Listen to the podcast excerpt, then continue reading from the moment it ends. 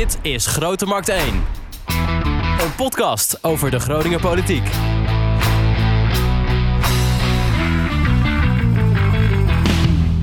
Welkom bij Grote Markt 1, de lijsttrekkersinterviews.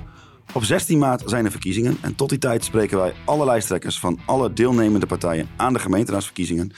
Ik ben Wouter Rolsappel en dat doe ik samen met Echo van Oosterhout. Dag Wouter.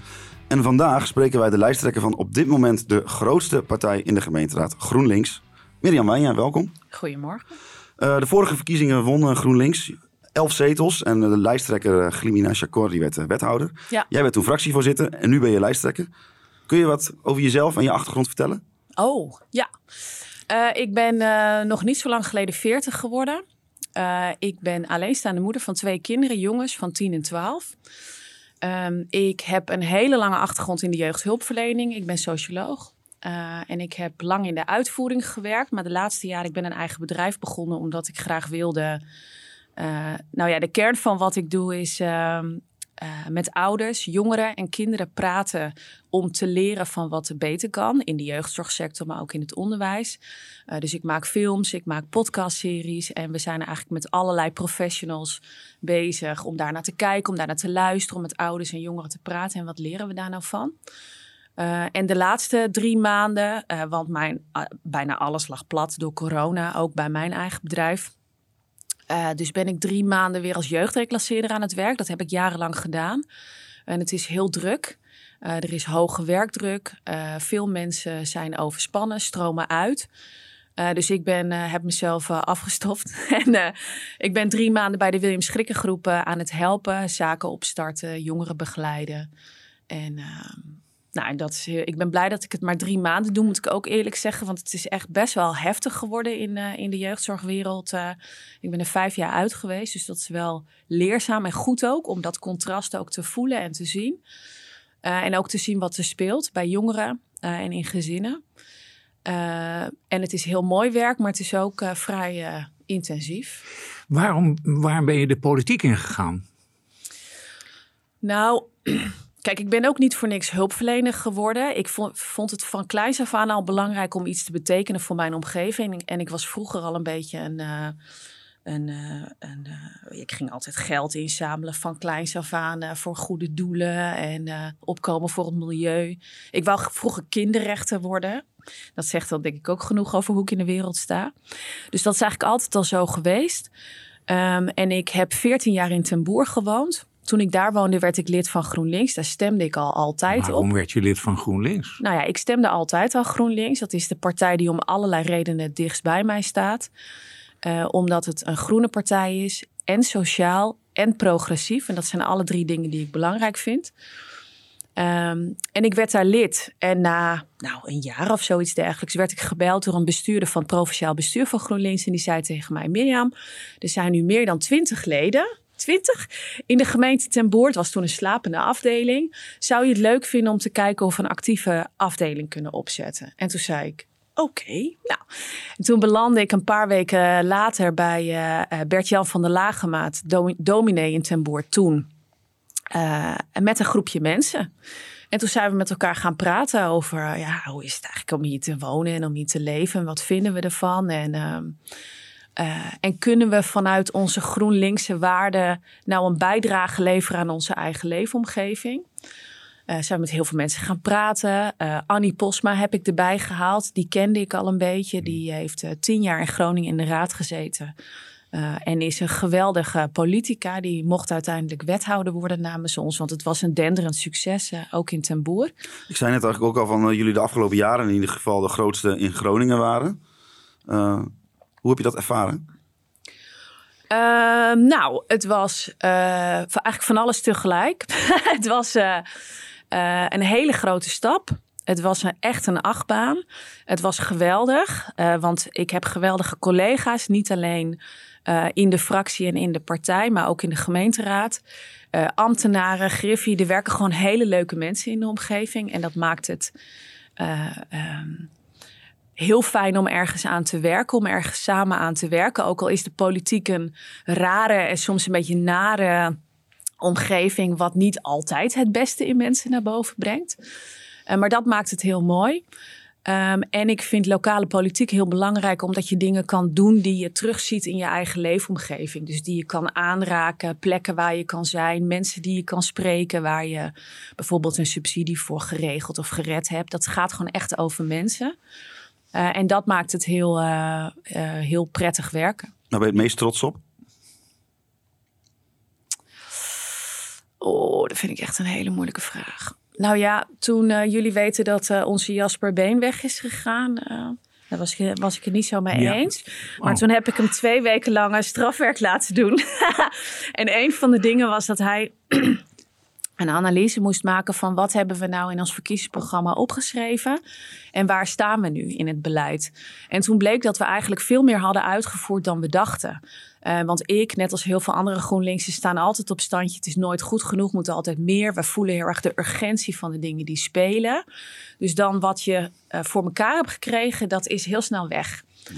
Uh, en, en toen ik dat hoorde en zag, toen dacht ik, jeetje, dat had ik me helemaal niet gerealiseerd. Ehm, en dat is wel de opdracht die je krijgt als je zoveel steun krijgt van, vanuit de gemeenschap. Dus daar ben ik heel trots op. Jullie willen naar, van een ik naar een wij-maatschappij, zeg. Mhm. Wat is dat? Nou, een van de dingen waar ik heel veel moeite mee heb in de politiek, en dat uh, zijpelt dan door in de samenleving, is hoe we met elkaar omgaan. Eigenlijk in alles. Dus je ziet dat uh, het onderwerp maakt bijna niet uit, maar het wordt heel snel gepolariseerd. Het is voor, het is tegen, je hoort bij die groep, bij die groep. Het is heel hard, er is weinig gezamenlijkheid.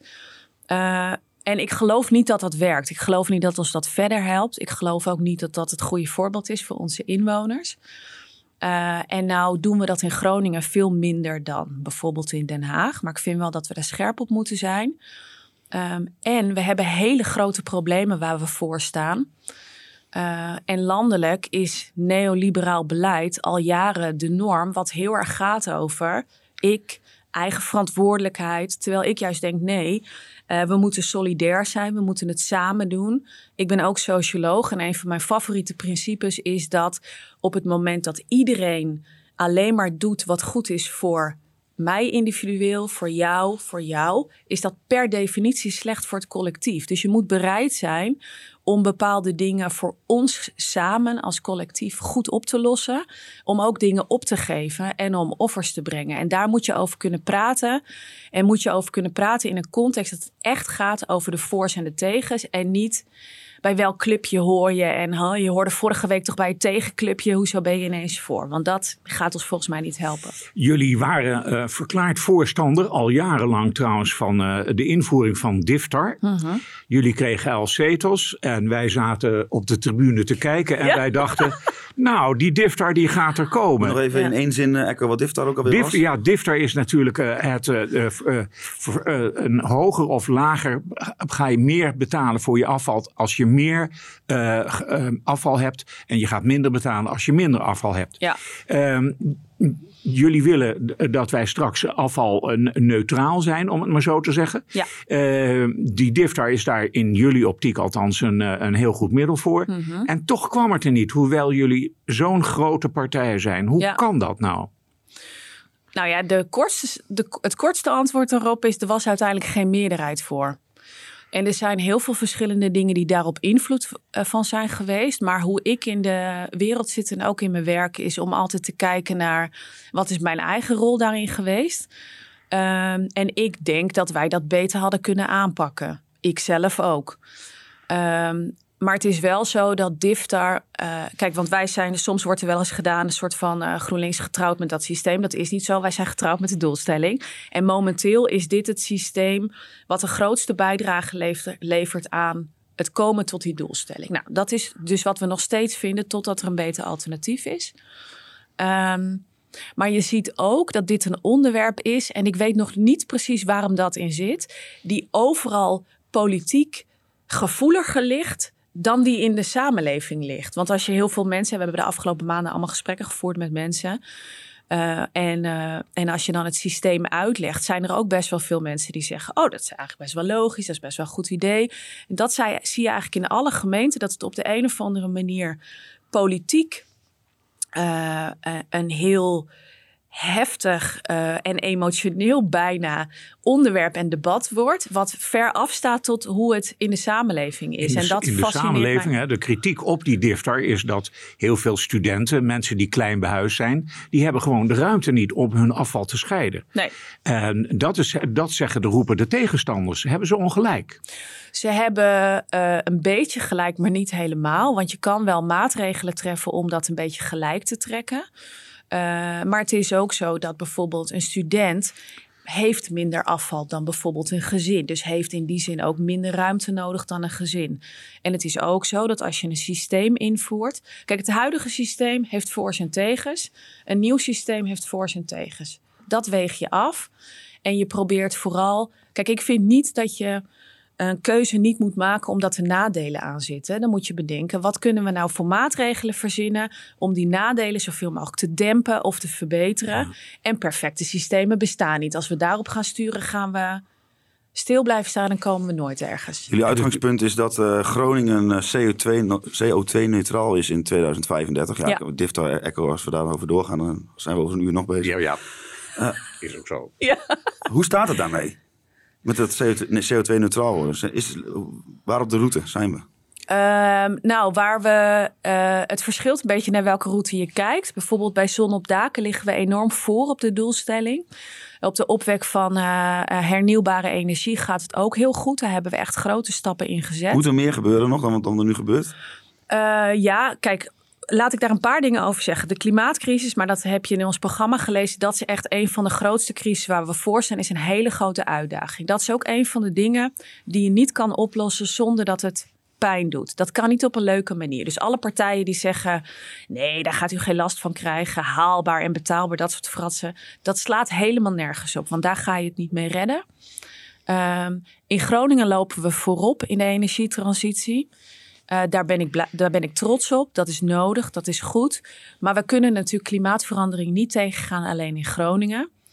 Uh, en ook in deze context hebben wij, net als bij bijna alles, enorm veel last van uh, het rechtsbestuur. De rechtse wind die al jaren waait in Den Haag. Uh, maar ook het uitblijven van Europees beleid. onze Europarlementariër Bas Eickhout is deze week weer druk bezig om overal te roepen: jongens.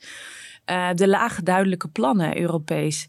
15 jaar geleden al om dat in gezamenlijkheid te doen. Dus je moet eigenlijk op al die niveaus uh, tot het maximale gaan.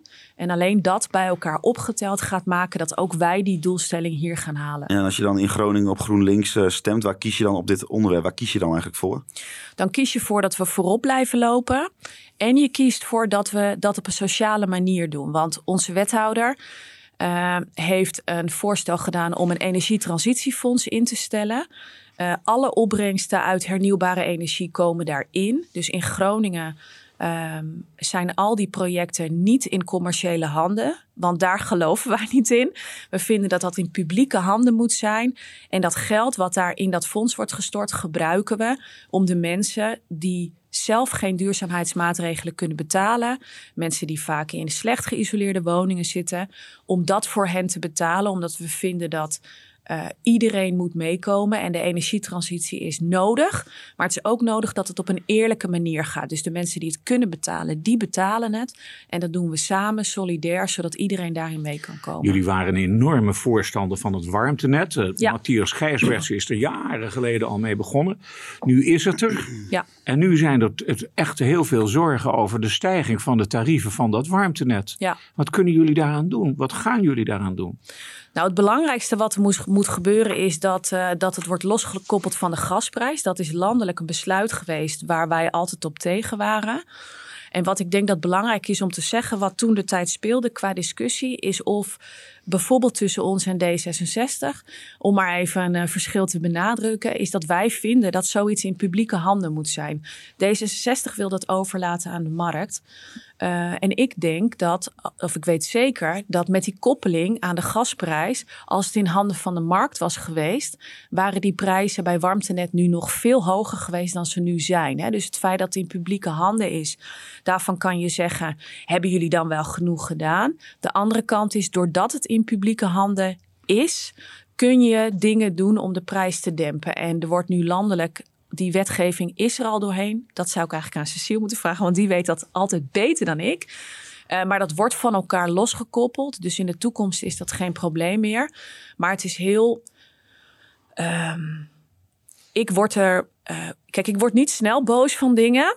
Maar in dit, op dit thema word ik wel heel boos van dingen. Omdat uh, eigenlijk al jaren duidelijk is. Dit is iets wat wij in ons programma echt al 30 jaar opschrijven. Wat je moet op de energietransitie. Dat is enorm getraineerd en tegengehouden vanuit Den Haag. Nu zien we uh, wat er gebeurt in de wereld, hoe afhankelijk we zijn.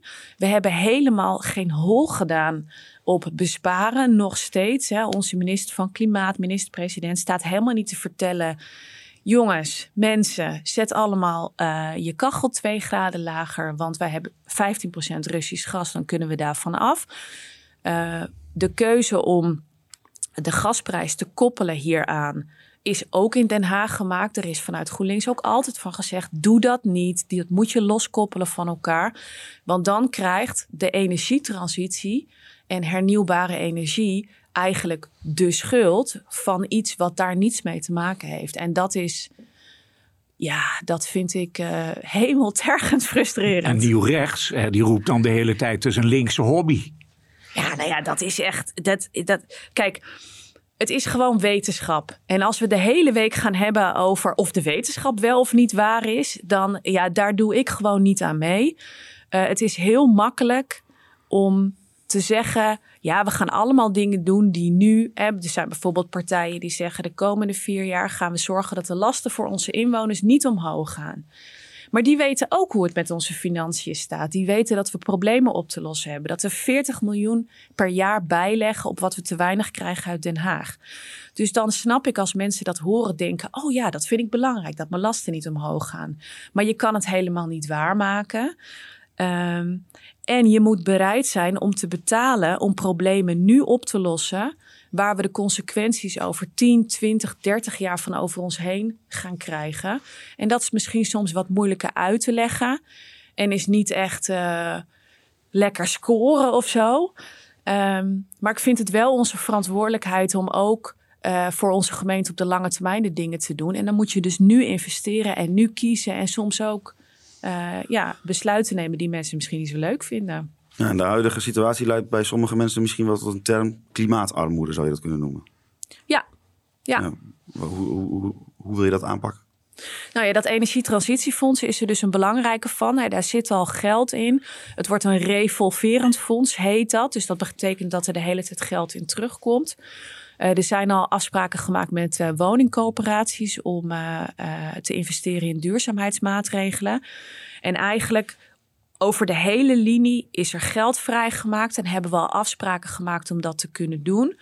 Uh, er wordt nu gelobbyd in Den Haag om daar veel meer geld bij te krijgen. Want nu wordt ineens de noodzaak gezien. Het is jarenlang geweest uh, het moet wel een beetje betaalbaar, het moet haalbaar. We zijn klimaatdrammers genoemd. En nu gebeurt dit. En nu zie je dat je met elkaar gewoon onvoldoende bent voorbereid. En dat de mensen die het in onze samenleving al moeilijk hebben. Want dat is met alle crisis zo. Hè? Met corona zijn dat de mensen die het hardst geraakt worden. Uh, en met klimaatverandering zijn dat ook de mensen die het hardst geraakt worden. Um, ja, dus dan moeten we gewoon volle bak uh, aan blijven trekken. En de overheid heeft daar wat ons betreft een hele belangrijke rol in om te zorgen dat iedereen daarin mee kan komen. Het bruggetje ligt natuurlijk voor de hand van klimaatarmoede naar armoede. Ja. Uh, jullie leverden de wethouder uh, Isabelle Dix. Mm -hmm. Die had armoede in haar beleid. Mm -hmm. we kunnen rustig stellen dat dat niet zonder tumult is verlopen, nee. om het maar heel zachtjes te zeggen.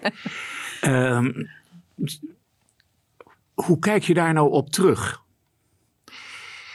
Uh, laten we zeggen, er is een. Ze, Isabelle Dix had nogal een grote broek aan. Die zei: ik, ik wil dat probleem binnen tien jaar opgelost hebben. Ja. Uh, ondertussen uh, riep ze ook nog iets over mensen die op de bank lagen. en hun kinderen zagen dat er bijstand toch vanzelf binnenkwam. Mm -hmm. Toen zei ze nog iets over mensen die, die, die in de bijstand zitten. moeten misschien wel na, erg ernstig goed nadenken over de vraag of ze wel of geen kinderen ze had een moeilijke verhouding met de gemeenteraad en, en, en met de pers. Hoe kijk je daarop terug? Um, ik kan daar een paar verschillende dingen over zeggen. Um, ik vind dat als we naar de inhoudelijke agenda kijken, dus wat we aan het begin hebben met elkaar en met onze leden hebben afgesproken over wat we willen doen op armoede, hebben we daar hele grote stappen in gezet. Daar ben ik heel blij mee. Dat hoort ook zo. Dat hoort bij onze partij. Wat is er verbeterd? Ehm, wat er verbeterd is, is uh, één, heel belangrijk, de uh, investeringen in de schuldhulpverlening. Daar is enorm veel in geïnvesteerd. En daar is heel veel geïnvesteerd in zogenaamde vroegsignalering. Dat begin je nu ook terug te zien in de cijfers. Uh, want om armoede. Hè, wat, wij, wat wij graag willen is generatiearmoede doorbreken. Dus dan moet je ook nadenken over wat kan je nou doen om dat ook Generatiearmoede is dat uh, uh, uh, gezinnen die uit, of kinderen die uit een arm gezin komen, die worden zelf ook arm. En die ja. krijgen weer kinderen die vervolgens ook arm Precies. blijven. En we weten bijvoorbeeld dat als je heel vroeg al uh, weet dat bij mensen betalingsproblemen ontstaan. En dan nu in Groningen krijgen mensen gelijk een brief van uh, wij zijn er, heeft u hulp nodig. Uh, dat blijkt enorm goed te werken. wat ook, daar is net een rapport over verschenen, is het beschermingsbewind voor minima. Dat is gratis en dat doet alleen de gemeente. dat zijn mensen die in heel veel andere gemeenten het slachtoffer worden van commerciële bedrijfjes. Um, en uh, dat blijkt in Groningen een enorm groot succes. Uh, daar zijn heel veel commerciële bedrijven niet zo blij mee. Um, maar dat, dat is, dat is een, een, um, een heel goed voorbeeld van uh, kijken naar um, waar moet je op insteken om het meeste te bereiken en de grootste doelgroep te bereiken. En hoe zorg je er ook voor dat het structureel is? Nou, dat is een voorbeeld ervan. Maar denk je dat daardoor nu de armoede minder, minder is? Ik, voor een bepaalde doelgroep, want dat beschermingsbewind, daar vallen mensen onder. Uh, die in een ontzettend kwetsbare positie zijn. En eigenlijk wil je ervoor zorgen dat die uh, um, op een fatsoenlijk bestaansminimum kunnen, uh, uh, kunnen blijven. En voor die groep is, blijkt nu ook uit het onderzoek, dat heel goed geregeld. Dus daar, daar moeten we gewoon mee doorgaan de komende tijd. Maar politiek is, is natuurlijk al die plannen en regelingen die jij nu noemt. Maar politiek is ook hoe het overkomt. En ik denk dat Echo daar misschien ook een beetje op doelde -hmm. met... Uh, wethouder Dixtus. Gewoon, er gebeurt gewoon heel veel om haar heen. Ja, klopt. En hoe kijk je daar? Want jij bent uh, lijsttrekker van GroenLinks. Zij komt uit de GroenLinks. Uh, zij is wethouder namens GroenLinks. Hoe kijk je daar dan op terug? En... Ja, nou ja, kijk, ik maak onderscheid tussen inhoud en beeldvorming. Dat he heeft hiermee te maken. Uh, omdat ik ook zie dat um, uh, de beeldvorming is op een gegeven moment stond niet meer in verhouding tot wat er daadwerkelijk gebeurd is. Want er is heel veel gebeurd. Dat is voor mij mijn persoonlijke drijfveer dat we het beter maken voor mensen. Dan kijk ik, hebben we dat gedaan? Maar de raad, ja. de raad en ook coalitiegenoten, hè, D66 en de Partij van de Arbeid, voelden zich, door, uh, uh, voelden zich enorm gepasseerd. En waren ook behoorlijk boos. Ja, ja. Nou ja, kijk, ik vind dat Um, bestuurders, zeker van zo'n grote gemeente, uh, hebben een hele belangrijke rol en verantwoordelijkheid. En daar moet je kritisch op zijn. Niet alleen als gemeenteraad, maar ook als lokale pers. Dus daar moet je kritisch op zijn, mag je pittige vragen aanstellen. Uh, dus van sommige dingen denk ik, nou, dat was misschien niet zo handig. Of dat kun je misschien beter niet doen. Of dat gaat inderdaad over hoe het overkomt. Uh, dus daarvan denk ik, uh, uh, net als Isabella. Heb je, heb je, heb je, je, je, je zit daar te kijken in de, in de raadzaal. En ja. dan speelt, speelt voor jouw neus zo'n debat zich af. Ja. Ik denk niet dat je als, als, als grootste coalitiepartij daar nou heel gelukkig van wordt. Nee, maar kijk, het gaat, over, het gaat wel over twee verschillende dingen. Want het is ook kijk, op een gegeven moment ontstaat er ook een dynamiek waarbij wat er gebeurt en de beeldvorming niet meer in verhouding staat tot wat er eigenlijk is gebeurd. Dus ik vind dat je uh, kritiek kan hebben, heb ik ook gehad, op hoe uh, Isabelle of ook andere wethouders bepaalde dingen hebben gedaan. Maar dat ontspint zich dan op een gegeven moment. En er zijn natuurlijk ook raadsleden die zijn echt donderse gek op een beetje rellen. Um, en dat hoort er ook een beetje bij. Dat is ook niet zo erg. Maar ik vond op een gegeven moment dacht ik wel, ja, maar nu staat het niet meer in. Uh, Jimmy, Jimmy Dijk is, dat zeg ik altijd tegen hem, heb ik in een podcast hier ook tegen hem gezegd. Wij vinden meer hetzelfde dan dat we verschillend vinden. Uh, en we hebben een aantal hele mooie dingen de afgelopen jaren bereikt, omdat er een links-progressieve meerderheid was in de raad. Daar konden we de SP heel goed bij gebruiken. Inbesteding van de schoonmaak, uh, uitbreiding van de kwijtschelding van de afvalstoffenheffing. Um, dus ik zit zo in de wedstrijd van we hebben er als linkse partijen het meeste aan om vooral op de inhoud samen te werken. En ik vond dat hij op een gegeven moment ging het helemaal niet meer over de inhoud. Dus ik vind dat je wel scherp mag zijn, dat het ook goed is, dat het ook moet. En dat ook Isabelle daar een aantal dingen niet handig of goed in heeft gedaan. Maar dat het op een gegeven moment ook niet meer in verhouding... De raad had het natuurlijk over een gebrek aan inhoud. Want de raad had geen idee waarmee ze bezig was. Nou ja, kijk, dat is, dat is ook een beetje voor de bühne. Want wij hebben toekomst met perspectief vastgesteld. Er zit een hele uitvoeringsagenda bij. Daar hebben we allemaal besluiten over genomen. Dat geld wordt geïnvesteerd, wordt ingezet. Uh, er zijn allerlei projecten, Kansrijk Oost, uh, uh, Kansrijke Start, Mobility Mentoring. Dat zijn allemaal dingen die zijn de afgelopen periode gedaan en geïntensiveerd. Uh, de laptopregeling is uitgebreid. En dat valt allemaal onder toekomst met perspectief. Dat is het armoedebeleid wat is vastgesteld. Dus dat loopt gewoon.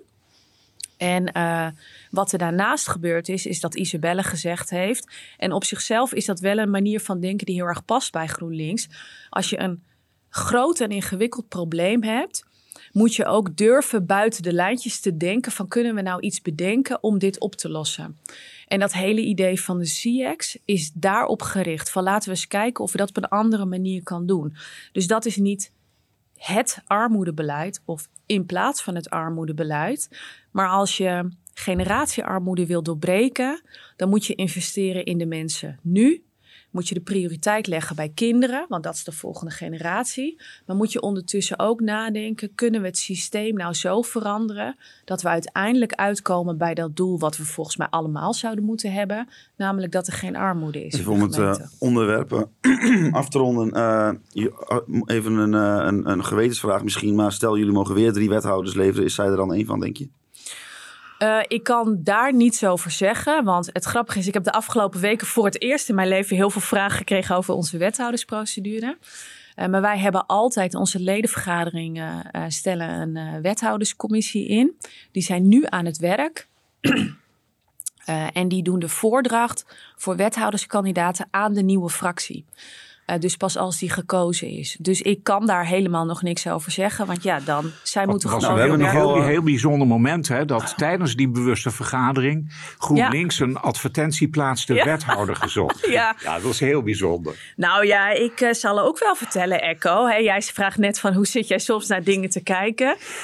Toen dacht ik, dat zal ik hier niet zeggen wat ik toen dacht. Maar toen dacht ik, jongens, jongens, jongens. Ja, nou ja dat is gewoon... Uh, we hebben eigenlijk ja. onze, uh, zeg maar, we proberen dit een beetje, nou, iets meer dan een half uur te maken. Maar we hebben denk ik misschien jullie, jullie twee belangrijkste thema's de meeste tijd gegeven nu. Dus we moeten even wat sneller door wat uh, oh. andere onderwerpjes heen. allereerst herwinnen van de openbare ruimte. Ja. dat is nog niet genoeg op dit moment? Zeker niet. Nee, nee, nee. En dat is ook iets van de lange termijn. Dat is iets wat bij eigenlijk al onze doelstellingen geldt. We zijn begonnen, we hebben eerste stappen gezet. En de uitvoering komt eigenlijk nu hè, in verschillende wijken, uh, straten, dorpen. De grote markt is er een nou ja, mooi voorbeeld van. Uh, maar zeker niet. En de auto moet uit de binnenstad nog meer? Nou ja, um, ja, zeg ik dan, is het korte antwoord. Maar wat wij vinden is dat we de openbare ruimte op een andere manier moeten indelen. Omdat die onlogisch is ingedeeld met buitensporig veel ruimte voor de auto. En dat willen we terugbrengen naar hoe het hoort. Dus dat iedereen de plek krijgt die hij of zij verdient. Jullie hebben een heel ijverig uh, humoristisch haat, raadslid, volgens mij ook. Die Zeker. plaatst continu tweets over hoogwerkers ja. die overal in de stad geparkeerd zijn. Ja. Uh, uh, en vreselijk in de weg staan. Ja. Is dit uh, officiële uh, uh, campagnepolitiek of is dit een privé-hobby van een raadslid? Nee, dat, nou ja, een, een, beetje ertussenin eigenlijk. Want je hoeft Benny echt niet te vertellen wat hij op Twitter doet. Laat dat ook duidelijk zijn. Maar het is, het is om een punt te maken wat gaat over het herwinnen van de openbare ruimte dat gaat namelijk niet over één ding. Dat gaat over heel veel verschillende dingen. Dus er staan terrassen in de openbare ruimte. Er staan fietsen, er staan auto's, er staan hoogwerkers. Er staan gorilla's bezorgfietsen overal. Dus als je de openbare ruimte opnieuw wil indelen... Uh, dan moet je met al die verschillende dingen rekening houden. En wat Benny probeert aan te geven door het de hele tijd over hoogwerkers te hebben, is dat je het dus over al die gebruikers moet hebben om de openbare ruimte echt eerlijk opnieuw her te verdelen. En dan hebben jullie een wethouder, Philip Broeksma, die maakt van de week een plan bekend. Er komen nog 600 deelfietsen bij ook. Ja, ja. Het wordt maar drukker en maar drukker. Ja, het wordt maar drukker. Ja, dat klopt. Nou ja, gelukkig gaat volgende week uh, de fietsstalling uh, onder de VND uh, open. Daar zijn wij heel erg blij mee. Dat is ook een mooi, mooi punt wat bereikt is de afgelopen periode. En dat gaat in ieder geval een heleboel meer stallingsmogelijkheden in de binnenstad opleveren. En op zichzelf zijn wij heel erg voor dat hele hub-systeem. Dus dat je PNR plekken hebt, dat je stimuleert dat mensen daar hun auto parkeren en verder met het OV of de fiets gaan. En dan heb ik eerlijk gezegd wel liever deelfietsen dan die deelscooters. maar, uh, nou ja. Een belangrijk onderwerp denk ik bij elke partij. Uh, ja, hij is eigenlijk al een beetje uh, de, in de raad al een paar keer voorbij gekomen. Maar die nieuwe Oosterpoort, dat, dat mag dan vooralsnog 268 miljoen kosten. Dat zijn jullie ook voor? Uh, ja, wij zijn voor de investeringen in een nieuw muziekcentrum en voor de plannen zoals ze nu gepresenteerd zijn. Uh, er wordt natuurlijk nog een definitief besluit over genomen. Uh, en dan zegt bijvoorbeeld Jimmy Dijk, zegt ja, belachelijk, veel te veel geld. En wat, hoe kijk jij daarnaar? Nou, uh, kijk, vraag nummer één is: moeten we investeren in een muziekcentrum? Het antwoord daarop is ja. dat moeten we. Ook als je dat in de bestaande Oosterpoort doet, moet dat. En dan is de vervolgvraag, je zou dat een beetje kunnen vergelijken met als je je huis, ga ik hem verbouwen of ga ik een nieuwe bouwen? Eigenlijk maak je dezelfde afwegingen. Um, en, um, en net als met een huis is het vooral belangrijk om te kijken naar wat kost je dat dan jaarlijks. Omdat het bedrag aan de voorkant, dat klinkt misschien gek omdat het wel echt heel veel geld is, uh, zegt eigenlijk niet zo heel veel. Dus je moet vooral kijken hoe, wat betekent het jaarlijks voor onze begroting en vinden we dat dan terecht. Uh, en dat is een beetje een technisch verhaal, dus zal ik de mensen niet mee vermoeien. Maar dan in de plannen van nu, waarvan je nog niet weet hoe het gaat eindigen, gaat het over 2 miljoen per jaar. Uh, en dan komt er nog fondsenwerving. Er zijn nog een aantal opties om daar geld bij te krijgen. En dan alles afwegende zeggen wij, nou ja, dan is het plan om het nieuw te bouwen, het daarmee duurzaam te maken, uh, er meer functies in kwijt te kunnen en het ook echt toekomstbestendig te kunnen maken. Uh, vinden wij dan een goed idee. De kritiek is natuurlijk, het is megalomaan. Het kost 268 miljoen. Ja, ja maar dat, kijk, dat, dat is ook maar een, een woord, megalomaan. Wat je gewoon heel vaak kan zeggen over dingen. En Jimmy zegt het ook heel vaak. De Stadspartij zegt het ook heel vaak over dingen. Ik denk dan, ja, de ik elite weet, zegt, zegt hij Ik dan. weet eigenlijk niet wat dat betekent. Nou ja, Kijk, ik zeg dan altijd tegen Jimmy: vind je de Oosterpoort nu ook voor de elite? Want dat valt volgens mij wel een beetje mee. En de rol die de Oosterpoort nu al heeft, hè, om ook uh, samenwerkingen te hebben met scholen, om te zorgen dat het opengesteld wordt voor heel veel verschillende soorten van uh, muziek en kunst. Uh, niet alleen popmuziek, maar ook amateurkunsten. Die, dat wordt eigenlijk uitgebreid. Uh, dus de bedoeling is dat het juist nog voor veel, mens, voor, voor, veel meer mensen toegankelijk is. En dat is volgens mij alleen maar goed. En hoort ook in een stad als Groningen. Willen het nog even snel hebben over veiligheid. Mm -hmm. uh, jullie zijn tegen cameratoezicht en de burgemeester wil het heel erg graag. Ja. En gaan we dit nou weer de komende jaren meemaken dat er iedere keer gediscussieerd wordt tussen de burgemeester D66 en GroenLinks? Ah, dat hangt een beetje van uh, de plannen die er komen af. Kijk, wij zijn niet tegen cameratoezicht. We hebben ook een aantal keren voor een voorstel gestemd. Maar wat ons betreft is cameratoezicht het sluitstuk van beleid en niet het beginpunt. Uh, en ik heb steeds tegen de burgemeester gezegd, openbaar en maar ook achter de schermen, van uh, um, wat ons betreft zijn een aantal zorgen die hij noemt wel terecht, maar die hebben vooral te maken met het feit dat er enorm bezuinigd is op politiekorps. En ik vind niet, gewoon principieel niet, dat wij altijd de shit uit Den Haag moeten oplossen, want dan ga je de hele tijd dweilen terwijl de kraan nog open staat. En die kraan moet daar dicht. Uh, en dat is de, het fundament van het probleem. En ik wil dat daar eerst iets op gedaan wordt voordat je ja, maar toch he- ook... jij noemt dit shit en dweilen met de kraan open. De, Ja. de gemeente komt geldtekort op. De wet maatschappelijke ondersteuning op de Ja. jeugdzorg. Het gemeentefonds is niet, absoluut niet toereikend om Nee. die gemeentebegroting te dekken. Hoe ga je dat dan oplossen? Nou ja, allereerst door de hele tijd over te beginnen. Eh, mij is vaak verweten de afgelopen jaren in debatten dat ik de hele tijd over Den Haag begon. Maar voor de komende jaren, wij hebben een verkiezingsprogramma geschreven, anderen hebben dat ook. Maar als je heel realistisch bent, dan is het de allergrootste bedreiging voor de uitvoering van die programma's zijn twee dingen. Is namelijk het gebrek aan financiering vanuit Den Haag. Eh, en de krapte op de arbeidsmarkt. Want personele problemen, ook bij de gemeente in allerlei projecten, is ook gewoon een, enorme, eh, een Ja. enorm risico. Eh, dus ja, volle bak beuken. En ik mag hopen dat mensen in dit hele leuke land Gaaf, een gaaf land. Nee, nou ja, nee, nee. Want dat vind ik echt zo plat slaan van en niet zeggend. En dan ben je een leider van een land en dan kom je niet verder dan dat met je verhalen. Eh, maar ik zei eerder van eh, eh, we, moet, we staan voor grote opgaven. We moeten solidair zijn met elkaar. En de regeringspartijen in Den Haag moeten begrijpen dat inwoners van Nederland wonen in gemeenten. Dus die pak je allemaal door zoveel tekorten over de schutting te flikkeren. Bijna alle gemeenten zijn bijna failliet.